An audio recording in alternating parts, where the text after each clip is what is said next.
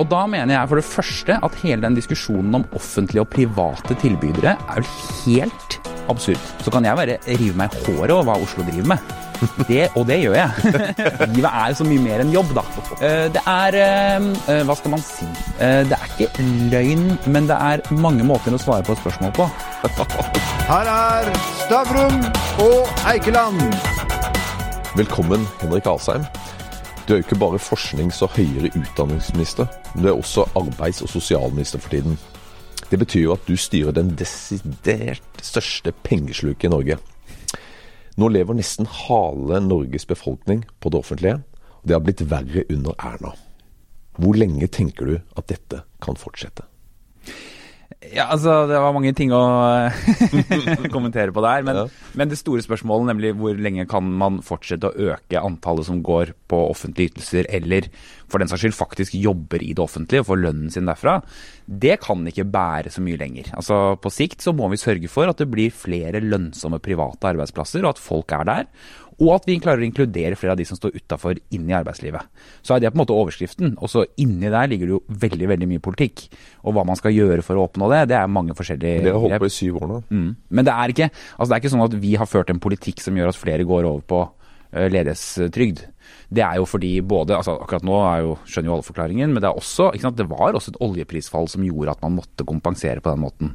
Det, det som jeg er mer opptatt av, er jo ikke de kortsiktige krisene og hvordan vi håndterer dem.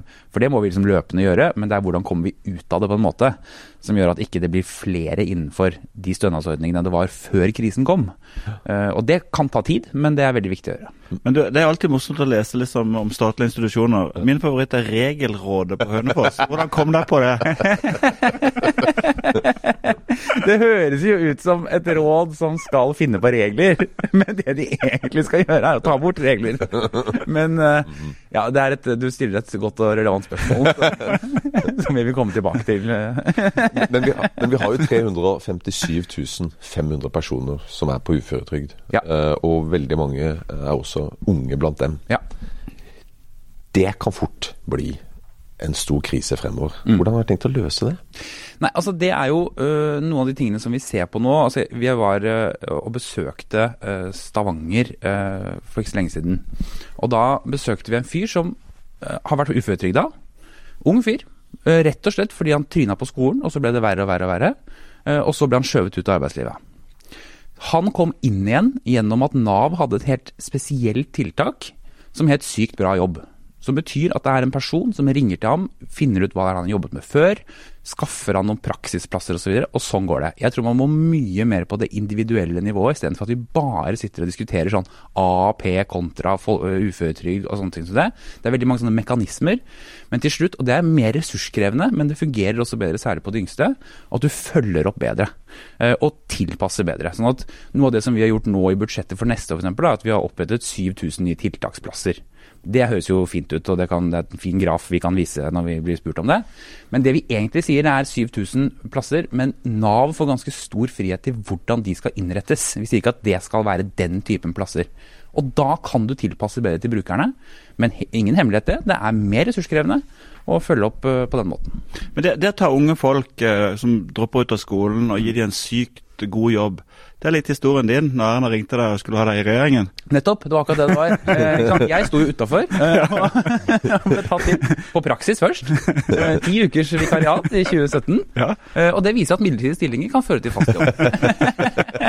Men du, jeg, er, jeg er ikke sånn at altså Jeg syns det er interessant. Hvis du ser på hvem som har skapt store former i Norge i de siste årene, så det er sånn Selv om Norge har blitt veldig høyt utdanna, så er de nesten alle som har blitt rike, har blitt rike fordi, til tross for, eller pga. at de droppet tidlig ut av skolen. Du har videregående skole, så har du gått på BI, men du har på en måte allikevel tilegna deg kunnskap på et annet vis. Mm. trenger alle å gå ti år på, på, på høyere utdannelse? Nei. Det gjør de ikke. Eh, og jeg tror at det er en veldig Noe av det som vi faktisk holder på med nå også, er å styrke fagskolene f.eks., som er en høyere yrkesfaglig utdanning. Det betyr at hvis du er, eh, har fagbrevet ditt, men ønsker mer utdanning enn det, så er fagskolen et mye bedre tilbud enn universiteter og høyskoler er. Når det er sagt, så er det litt sånn myte at nordmenn liksom er overutdanna. Eh, hvis du ser på andelen av de som er eh, i de yngre gruppene, altså opp til 30, som har høyere utdanning, så faller Norge sammenlignet med andre OECD-land. Så vi, når vi oppretter flere plasser nå, så er det egentlig for å flate ut den plasseringen vi har. Så, så sånn sett så er det ikke sånn at alle tar høyere utdanning, men samtidig så er nok det kanskje en utfordring til arbeidslivet òg. Fordi eh, hvis du ser på stillinger som utlyses, ikke minst fra staten, så forlanger må ha master, f.eks. Så du må ha master i kunsthistorie, da.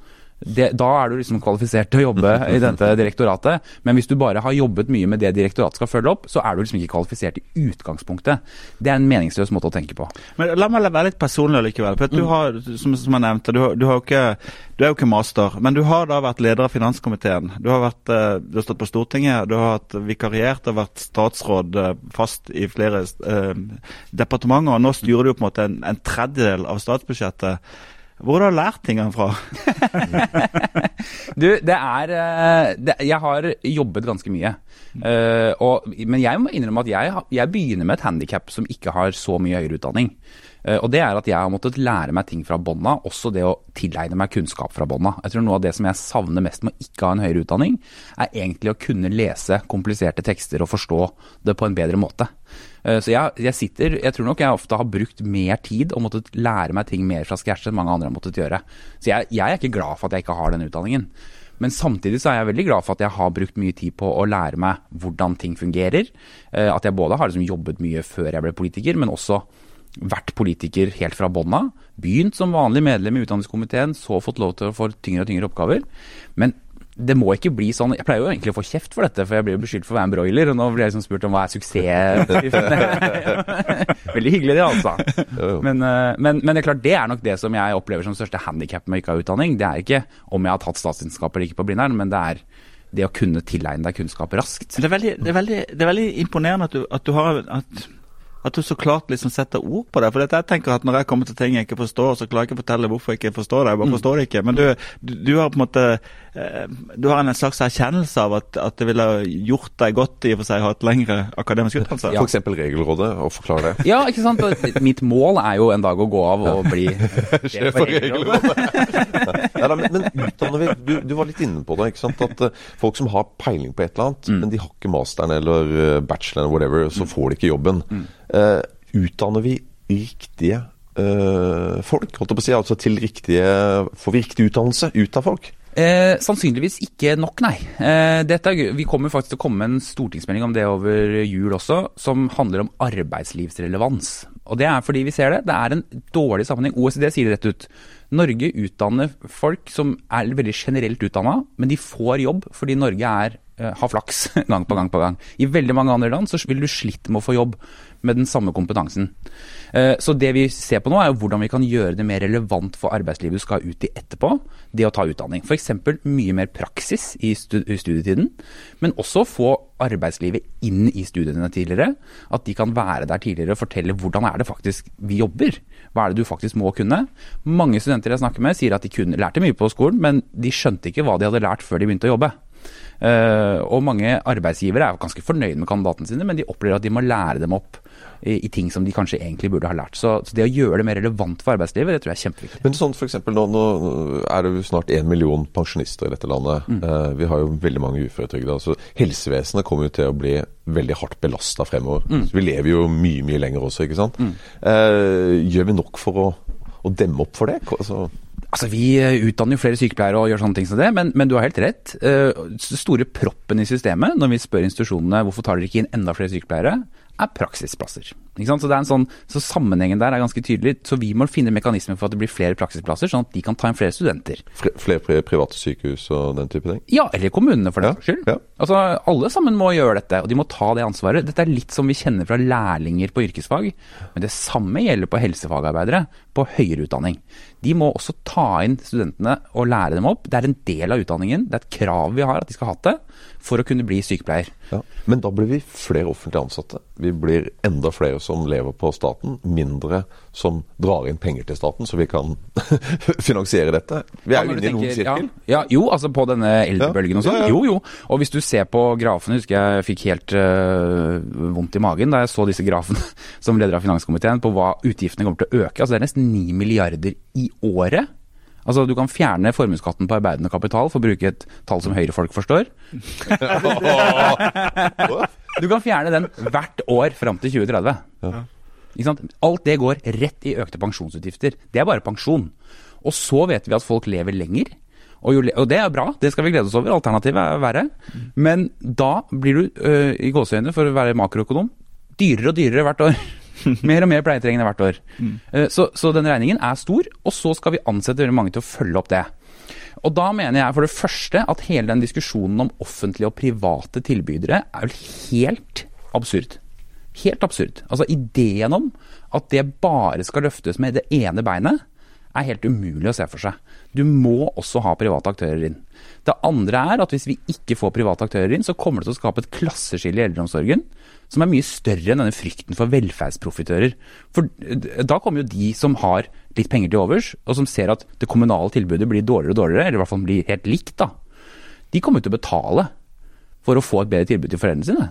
Mens de som ikke har råd til det, de må ta til takke med det kommunale tilbudet. Sånn kan vi ikke ha det, og derfor er jeg, mener jeg at det er kjempebra å også få bedrifter som tjener penger, som ansetter i privat sektor, men som løser velferdsoppgavene våre. Og det å ha den diskusjonen vi har nå, den kommer til å se kjemperar ut om fem år, er helt sikker på. Når jeg hørte deg i starten, så hørtes det ut som en eh, kunne ha blitt finansminister i en Jonas Gahr Støre-regjering. Men så når du kom inn på dette med privat og sånt nå, så eh, helsevesen, så forstår jeg at du er en høyremann. Men, men har dere gjort nok? Altså, Dere har jo vært der i syv år. Jeg syns ikke dere har rent over av private sykehus og private altså, Nei, altså det, er ikke, det er ikke noe mål for meg at det renner over av private sykehus. Men, eh, men vi har jo laget et system som gjør at du nå f.eks. og dette fritt behandlingsvalg som vi utvider nå også, eh, hvor vi har prioritert først de som sliter med psykiske lidelser og rus, det innebærer at vi betaler, men du velger. Og Det betyr at private aktører kan komme opp og tilby noe bedre og smartere. Og Dette ser vi på flere områder. Vi ser det også faktisk på nettopp oppfølging av de som er uføre eller satt, altså på, går på VTA-plasser eller arbeidstrening og sånn. Det å få private inn der gjør at du får bedre kvalitet og lavere pris. Sånn at, og og det er jo egentlig ikke rakettforskning, for dette tror vi jo fungerer på alt mulig annet. Eh, Og så er det et spørsmål om ikke det er en verdi i seg selv for folk, særlig de som sliter med noe, å få lov til å påvirke og velge. Hvordan organiserer du hverdagen din når du er statsråd i to departementer? Jeg deler opp uken. Mm. I, jeg har to dager i Arbeids- og sosialdepartementet, to dager i Kunnskapsdepartementet. Mm. Uh, og så blir det sånn at jeg er da, så hvis jeg er på jobb i Arbeids- og sosialdepartementet, da, så er jeg på jobb der til kanskje 7-8 om kvelden. Mm. Og så uh, lukker jeg PC-en, og så åpner jeg den igjen, og så bytter jeg bruker på den PC-en. og så blir jeg forsknings- og høyere utdanningsminister. og så sitter jeg og jobber med det, og svarer ut ting. Hender det, at du må gjennom hele tittelrekken din når du presenterer hvem du er? jeg, jeg, jeg har sluppet å si det selv, men jeg har sett det vært skrevet at jeg er nå forsknings- høyere utdannings-, arbeids- og sosialminister. Så det, det er veldig fint på internasjonale konferanser og sånn, for de tror at jeg er eh, Superman. utrolig viktig. Jeg må spørre om, en, jeg må spørre om et, personlig, et personlig spørsmål. For at du, du uh, er jo homofil, men du har aldri blitt en homopolitiker. Nei, Uh, hvorfor det? jeg tror ikke det er noe grunnlag for å bli det. Nei. For å være helt ærlig, altså jeg tror Per Christian Foss slapp å bli det. Ja. Tenk deg det, i år 2000. ja. Uh, han ble finansminister i 2001. Det var ingen som sa 'den homofile finansministeren Per Christian Foss'. Nei. Eh, og det, uh, Jeg kan takke så mange foran meg som har gjort at det ikke er noe tema. Det er ingen som, Folk vet at Bent Høie er homofil, men jeg tror ikke folk sitter og tenker på det når han holder korona. ikke sant? heldigvis. Heldigvis. Men jeg, tenk, jeg tenkte jeg var på vei til noe, nemlig. For at når du vikariert for menn, heterofile menn som har fått barn, er det, er det en nisje for, for homofile politikere? Det er sånn vi skal ta over verden. Sakte, men sikkert skal vi utvide fedrekvoten, og så skal vi Men, men eh, du, du, snakka litt her om um, helse og osv. Men det, det er klart at dere bestemmer jo ikke alt over det uh, i staten. Altså Kommunene styrer jo mye her. Har kommunene for mye makt? Nei, eller hva mener du med det? Det, altså, jeg tenker sånn at, eh, at Du ønsker kanskje å få gjennomført mer. Altså få inn flere velferdsprofitører da, i mm. og så gjør det. ikke sant? Og så ser du deg i Oslo, hvor det, hvor det blir bare færre og færre av det osv. Ja. Eh, ergo hadde dere styrt også den delen av eh, det offentlige, så hadde dere jo fått gjennomslag for mer politikk. Altså, det er det jeg mener. Ja, eh, og dette er jo en ryggmargsrefleks som jeg tror alle har. Alle vil styre mer, uansett om det er den avdelingen og den andre avdelingen på jobb, eller hva det er for noe, så vil du at vi bør ta ansvar for det også. Eh, Og man kan kjenne på det. Fristelsen av å rulle over det lokale selvstyret og bare si sånn skal det være. Vi holder på med dette nå, eh, med fritt skolevalg. Det er en diskusjon. Skal det være opp til fylkene å velge om du skal ha fritt skolevalg, eller sier vi at vi går rundt fylket og sier vi at hver enkelt elev skal få lov til å velge skole? Det er en diskusjon som vi holder på med i Stortinget nå. Så det er alltid en avveining, men jeg mener stort sett ikke at kommunene har for mye makt. Jeg tror det er bra at det avgjøres også lokalt, fordi det er så forskjellige kommuner. Så kan jeg bare rive meg i håret over hva Oslo driver med. Det, og det gjør jeg. men, men, men, jeg innser jo samtidig at hvis jeg sier alle skal ha fritt uh, valg i eldreomsorgen, så er det kjemperelevant i en stor by. Men det er ikke så innmari relevant i en kommune som har ett sykehjem.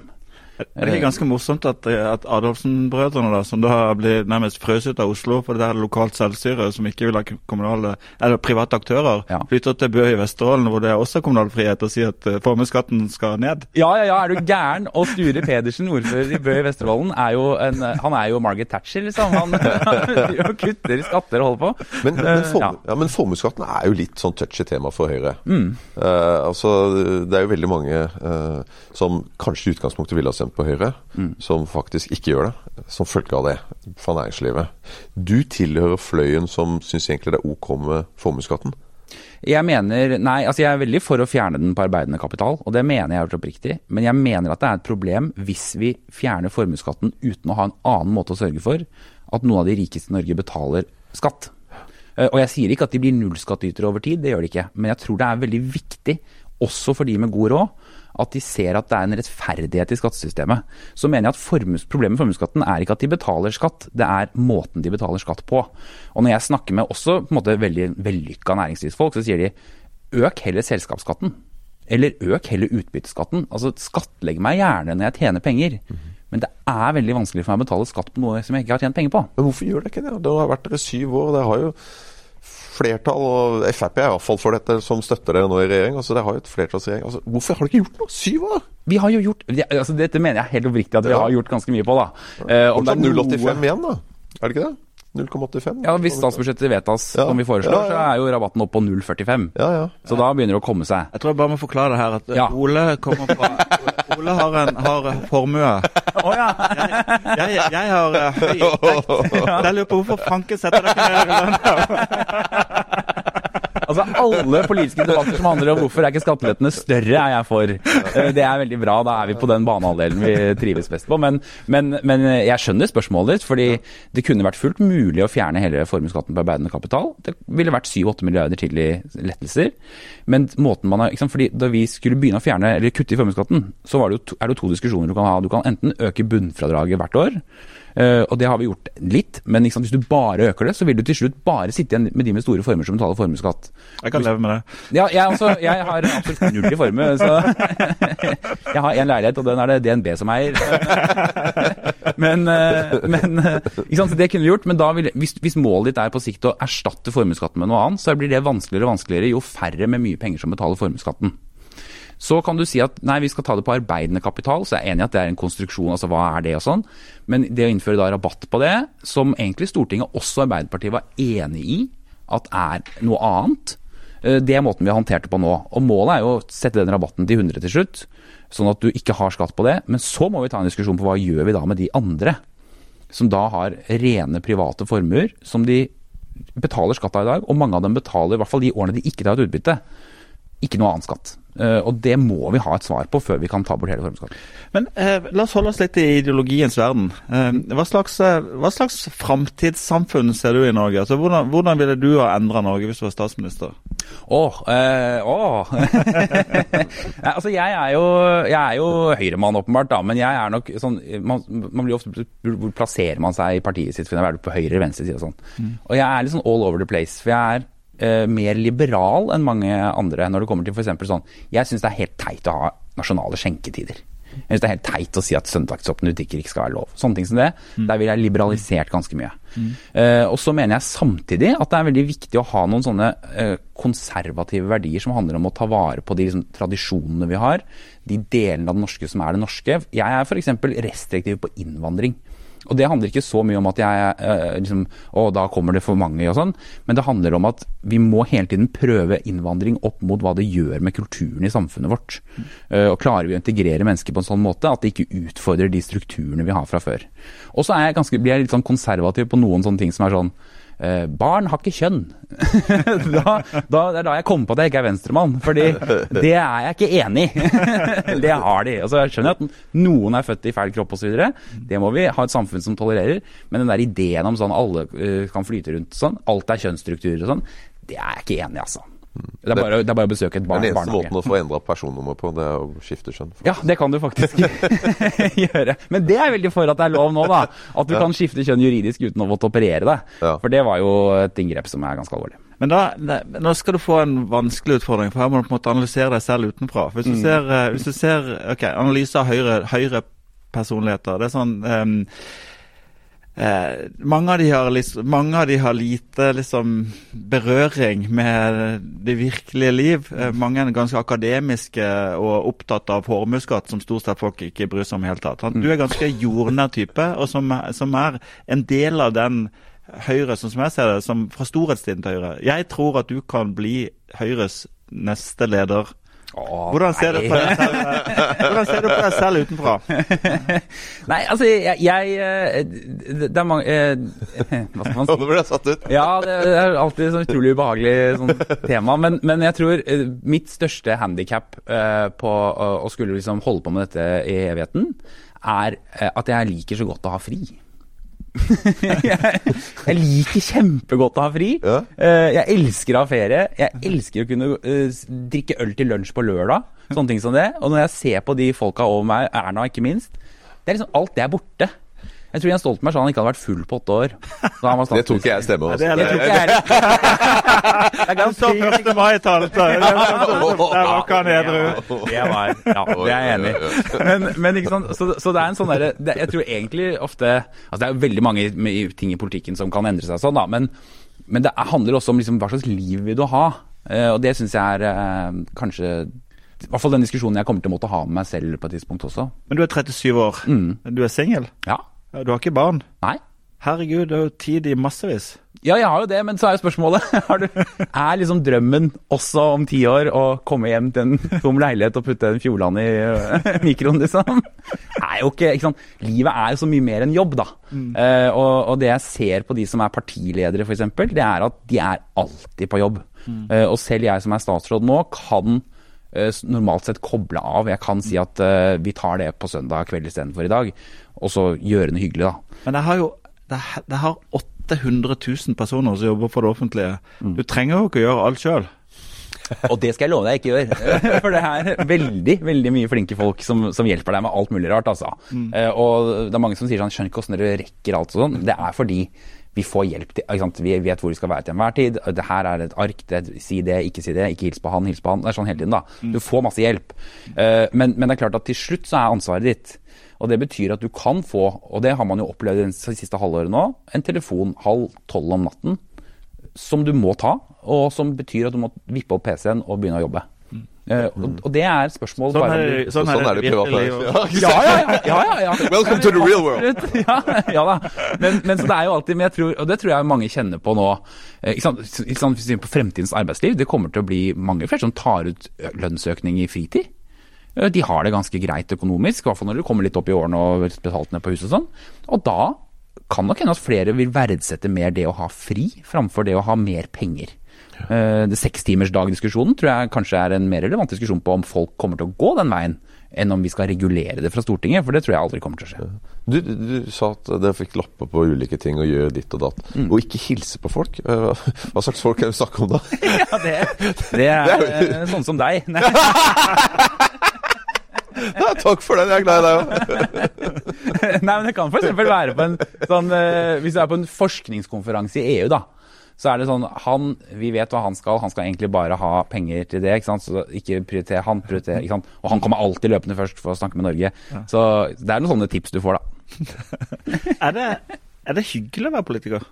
Ja, Ja. det er det faktisk. Hva er det hyggeligste? Eh, altså Det hyggeligste, og dette høres ut som sånn her eh, kampanjeslagord, men det er sant, det er at man får tilgang til veldig mange mennesker. Eh, du kan sende en e-post til et Hvis du leser om en bedrift som har gjort noe spennende i DN, og så sender du en e-post til dem og sier Kan jeg få komme og se på det? Så sier de ja, selvfølgelig. Eh, og så kom, tar de deg imot og viser deg tingen, og du kan prøve den, og du kan eh, få kaffe. Så du, det er veldig, du får tilgang til folks liv, og du får mulighet til å snakke med folk. og de aller fleste menneskene er jo hyggelige også mot politikere. Mm. Det merker man når man går på husbesøk i valgkamper òg. Det blir kanskje ikke så mye av det neste år, men, men det å ringe på Du kan tenke deg at da blir folk sure. Gjør jo ikke det. Og jeg kjenner på jeg har åpenbart bestemt meg, hvis, men hvis SV hadde ringt på døra mi, så hadde jo ikke jeg blitt sur på SV for det. Fordi du sier sånn ja, nei, og noen sier bare sånn takk, takk og ha det bra. og Noen begynner å diskutere politikk med deg. Folk er hyggelige, altså. Men, men det, er jo, det er jo spennende jobber dere har. Altså, Mm. Som sagt, du styrer jo en tredjedel av hele statsbudsjettet og, og sånt. noe. Blir det ikke nedtur etter dette? Altså, hva, hva kan overgå og det å være minister, bortsett fra det å være statsminister? Men når du er ferdig med politikk, blir det ikke nedtur? Nei, altså, jeg tror eh, Det kan godt hende at du skal lete lenge for å finne en like spennende jobb, da. Det kan godt hende. Nå tror jeg eh, Jeg, har, eh, jeg trives veldig godt der hvor jeg er. Når jeg var på Stortinget, så var det kjempegøy. Å være statsråd er kjempegøy. Men jeg vet at det er gøy på Stortinget òg. Og hvis jeg plutselig slutter med dette og får jobb i Ålesund med å jobbe med oppdrett, så er jeg helt sikker på at det også blir gøy. Vet du hva, Da blir det Northug, tror jeg. Ja. tror du det? Du tror ikke på det Nei. selv. Jo, det, jo, det, jo det. Men, men jeg tror, jeg tror Opptreden i Ålesund er ikke å være Nei. nei. Nei, men jeg tror, ikke sant? Da tror jeg kanskje du veksler noe av det inn i andre ting som er hyggelig, da. Eller gøy. Ikke sant? At du kanskje får litt mer fri i helgene, at du kan dra tidlig på fredag og gjøre noe hyggelig. Ikke sant? Sånne ting som det, da. Så, så livet er jo veldig stort. Det er jo ikke bare jobb. Og det må det heller aldri bli. For det blir veldig fort identiteten din hva du jobber med. Men, eh, men det er jo ikke det mennesket du egentlig er. Er du litt misunnelig på Torbjørn Røe Isaksen som blir invitert på dette seminaret til Nicolai, Nicolai Tangen? Eh, jeg har, jeg hadde, hadde jeg visst om det da, så hadde jeg vært veldig misunnelig da. Og så er jeg veldig glad nå. jeg ble invitert. Eh, men eh, i bunnen der så ble de jo invitert til et av verdens beste universiteter. Og jeg, jeg syns alltid det er så rart når du ser rank, internasjonale rankinger, så er det liksom vi strålende fornøyd hvis Handelshøyskolen kommer på 80.-plass og Universitetet i Oslo kommer på 120.-plass. Hvorfor har vi ikke noen få verdensledende utdanningsinstitusjoner i Norge? Vi har noen få verdensledende fagmiljøer i Norge. Men vi har ikke institusjon... Altså, jeg har vært og besøkt Harvard selv, i Boston. De har 70 ganger budsjettet til Universitetet i Oslo. Og like mange studenter, cirka. Ja. Det er, det, er, fullt mulig å bli verdensledende da. Eh, men spørsmålet er jo bare uh, hva, hvordan skal vi organisere oss i Norge? Jeg er veldig veldig for at uh, f.eks. NTNU de går i front på noen kjempeviktige nanoteknologi, ting som det, som vi er virkelig, altså vi tiltrekker oss internasjonal kompetanse på det. Men NTNU skal også være et stort universitet som utdanner mange forskjellige ting, også lærere f.eks. Så, så det at vi har organisert oss på en måte som ikke gjør at vi har eliteuniversiteter, men elitemiljøer på universitetene, tror jeg også er bra. Og da kommer vi ikke så høyt på den type rankinger. Det er greit for meg, så lenge vi ser at studentene gjennomfører, at vi har relevant og høy utdanning, og at eh, vi har noen fagmiljøer som er eksepsjonelle. De har også en annen ting. De har en høyere grad av privat delfinansiering. Så Kunne vi gjort noe med det? Eh, Skolepenger tenker du på? Ja, eller, eller på en måte dona, donasjoner. Det har gjort det mer eh, stuerent og ærerikt å gi en fløy til Universitetet i Oslo. Ja, ja, ja. Eh, og det er jo Det skjer jo i dag. Tangen Hall. Altså, hvis, ja, Tangen, tangen, ja, det stemmer det. det, stemmer det. Ja da, Så vi kunne jo fått liksom Olav Thon-fløyen på Universitetet i Oslo og sånn. Eh, dette skjer jo egentlig i dag. Altså Hvis du ser på hva som dette bygget som UiO nå har bygget opp i Tøyenparken, det er jo betalt av Ultveit Moe. Ene og alene. Det er fullt mulig. Det er folk som gir penger til Vikingtidsmuseet, som også Universitetet i Oslo driver. Så, så det skjer. Men, men eh, så, så jeg mener ikke at det nødvendigvis er det store problemet. Jeg tror det er mer, mer det at hvis du bestemmer deg for å være et eliteuniversitet Hvis du hadde hatt skolepenger i Norge, f.eks. Mm. Du sa eh, dette universitetet koster 100 000 dollar å gå på i året. Men vi bruker de pengene på enormt god kvalitet, og de aller beste foreleserne, så ville du kunnet komme høyt på ranking og gjort sånne ting som det. Men er det det vi ønsker i Norge? De tilbudene finnes andre deler av verden. Og jeg syns det er viktigere at mange har tilgang på utdanning, sånn som vi har i Norge. Men jeg tenkte bare det filosofiske rundt det. for Jeg diskuterer med en del av mine venner. Sånn, jeg synes det er veldig eh, hva skal jeg si, ærerikt å gi bort mye av formuen sin til, eh, til gode formål, også utdanningsformål. Og jeg har ingen problemer med at det heter Tangen Hall. Men mange i Norge syns det ikke passer seg. Hvordan er ditt forhold til type private donasjoner og donatorer? Jeg syns det er helt eh, supert, det. Ja. Altså, jeg synes, Hvis du først skal få kjeft for at du øh, blir rik, da, for det får du jo. Ikke sant? Dette har gått, øh, dette har gått altfor bra. Du skulle gått konkurs. Det hadde vært mye bedre. Eh, og så har du da skapt masse arbeidsplasser, tjent masse penger. Og så, når du da er på, går av med pensjon, så velger du å gi masse av de pengene som du har jobbet knallhardt for, sammen med dine ansatte selvfølgelig, til eh, veldedige formål eller eh, ja, hva det måtte være, det er jo bare bra. Altså, jeg, jeg ser rett og slett ikke nedsiden ved det. Eh, det som jeg tror er viktig, er å bygge noen skott som gjør at ikke det betyr at du dermed får makt over tilbud som skal gis, eller hvordan det skal Fordi så lenge det er offentlig finansiering med, så må det jo være noe som er tilgjengelig for alle, f.eks. Men det at folk gir penger sånn, det syns jeg bare er et pluss. Jeg skal skal gi deg litt støtte med, med det norske skolesystemet. Vi hadde Reinar Inndal, som er en av de store private equity-gutta på podkasten. Og han takket faktisk det norske skolesystemet eh, for at han klarte å komme seg til Wharton og har vært innom Harvard også. Eh, fordi at uh, han fra en liten bygd i Nord-Norge til der hadde ikke vært mulig, tror han, da. Nei. Hvis det hadde vært kanskje det amerikanske systemet. For da hadde ikke hans familie hatt penger til det. Men du er jo fortsatt veldig ung, i hvert fall i forhold til Gunnar og, og jeg, for å si det fint. I hvert fall i forhold til Gunnar. Men det er jo alle. Åh, det likte jeg. Eh, Men, men det, det, er, det jeg lurer på Hvis du skulle ha tatt en sånn ordentlig kongeutdannelse, eh, hva hadde kriteriene vært for eh, det du hadde valgt? Hadde du Ja, det, det er et veldig veldig godt spørsmål. fordi jeg tror det eh, altså jeg liksom, og, det, og det kan jo til og med skje. Altså Det kan jo skje ting som gjør at man tenker at nå skal jeg ta en utdannelse. Eh, jeg tror altså I utgangspunktet så har jeg alltid sagt, og det er heller ikke et politikersvar, det er sant, at jeg kun, burde egentlig ha tatt lærerutdanninga. Jeg tror jeg hadde likt veldig godt å være lærer. Jeg tror det er gøy å være lærer. Slitsomt, ja, men gøy. Eh, Så det, det hadde vært eh, artig. Men sånn som nå, så tror jeg egentlig måtte spurt meg selv hva, hva, Jeg liker egentlig å sove lenge. jeg liker å jobbe sammen med folk og ikke alene. Sånn at det å finne en utdanning som på en måte gjør at du er, kan finne jobber som passer til måten du liker å leve på, da, tror jeg er veldig viktig. Mer enn bare sånn akkurat 'jeg skal bli advokat'. Hvorfor det? Eh, Men spørsmålet er liksom hva er det du kan jobbe med da? Eh, Jeg kunne jobbet i Røde Kors, jeg. Det hadde vært gøy, det. Men der, For der kan du sove lenge? Ja, det antar jeg. Nei. Det er jo ikke noe problemer her i verden. Men det, det, helt, helt til slutt. eh, Jeg ser, flere ganger så har brukt den samme formuleringa, nemlig at uh, dette, dette er ikke et politikersvar, men det er helt ærlig. Er det mye løgn i politikken? Eh, Det er Hva skal man si? Det er ikke løgn, men det er mange måter å svare på et spørsmål på. Eh, Svada, svada, svada! men hva, ja, men hva, hva mener jeg med det? Altså, fordi Dette er jo faktisk grunnen til at eh, Tina Bru og jeg laget en podkast da vi kom på Stortinget.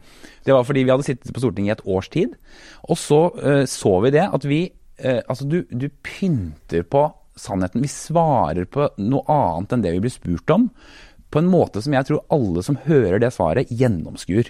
Ikke sant? Så, så vårt mål med den podkasten var egentlig å snakke ærlig. Hva er det som egentlig nå skjer? Hvorfor, vi, hvorfor stemmer vi mot det og for det? Og det kan jo hende f.eks. at istedenfor å si at alt det andre partiet foreslår er dumt, så går det an å si at du foreslår det, jeg forstår hvorfor du gjør det, men jeg har prioritert dette foran, og derfor er jeg for det. Eh, Det går an å si.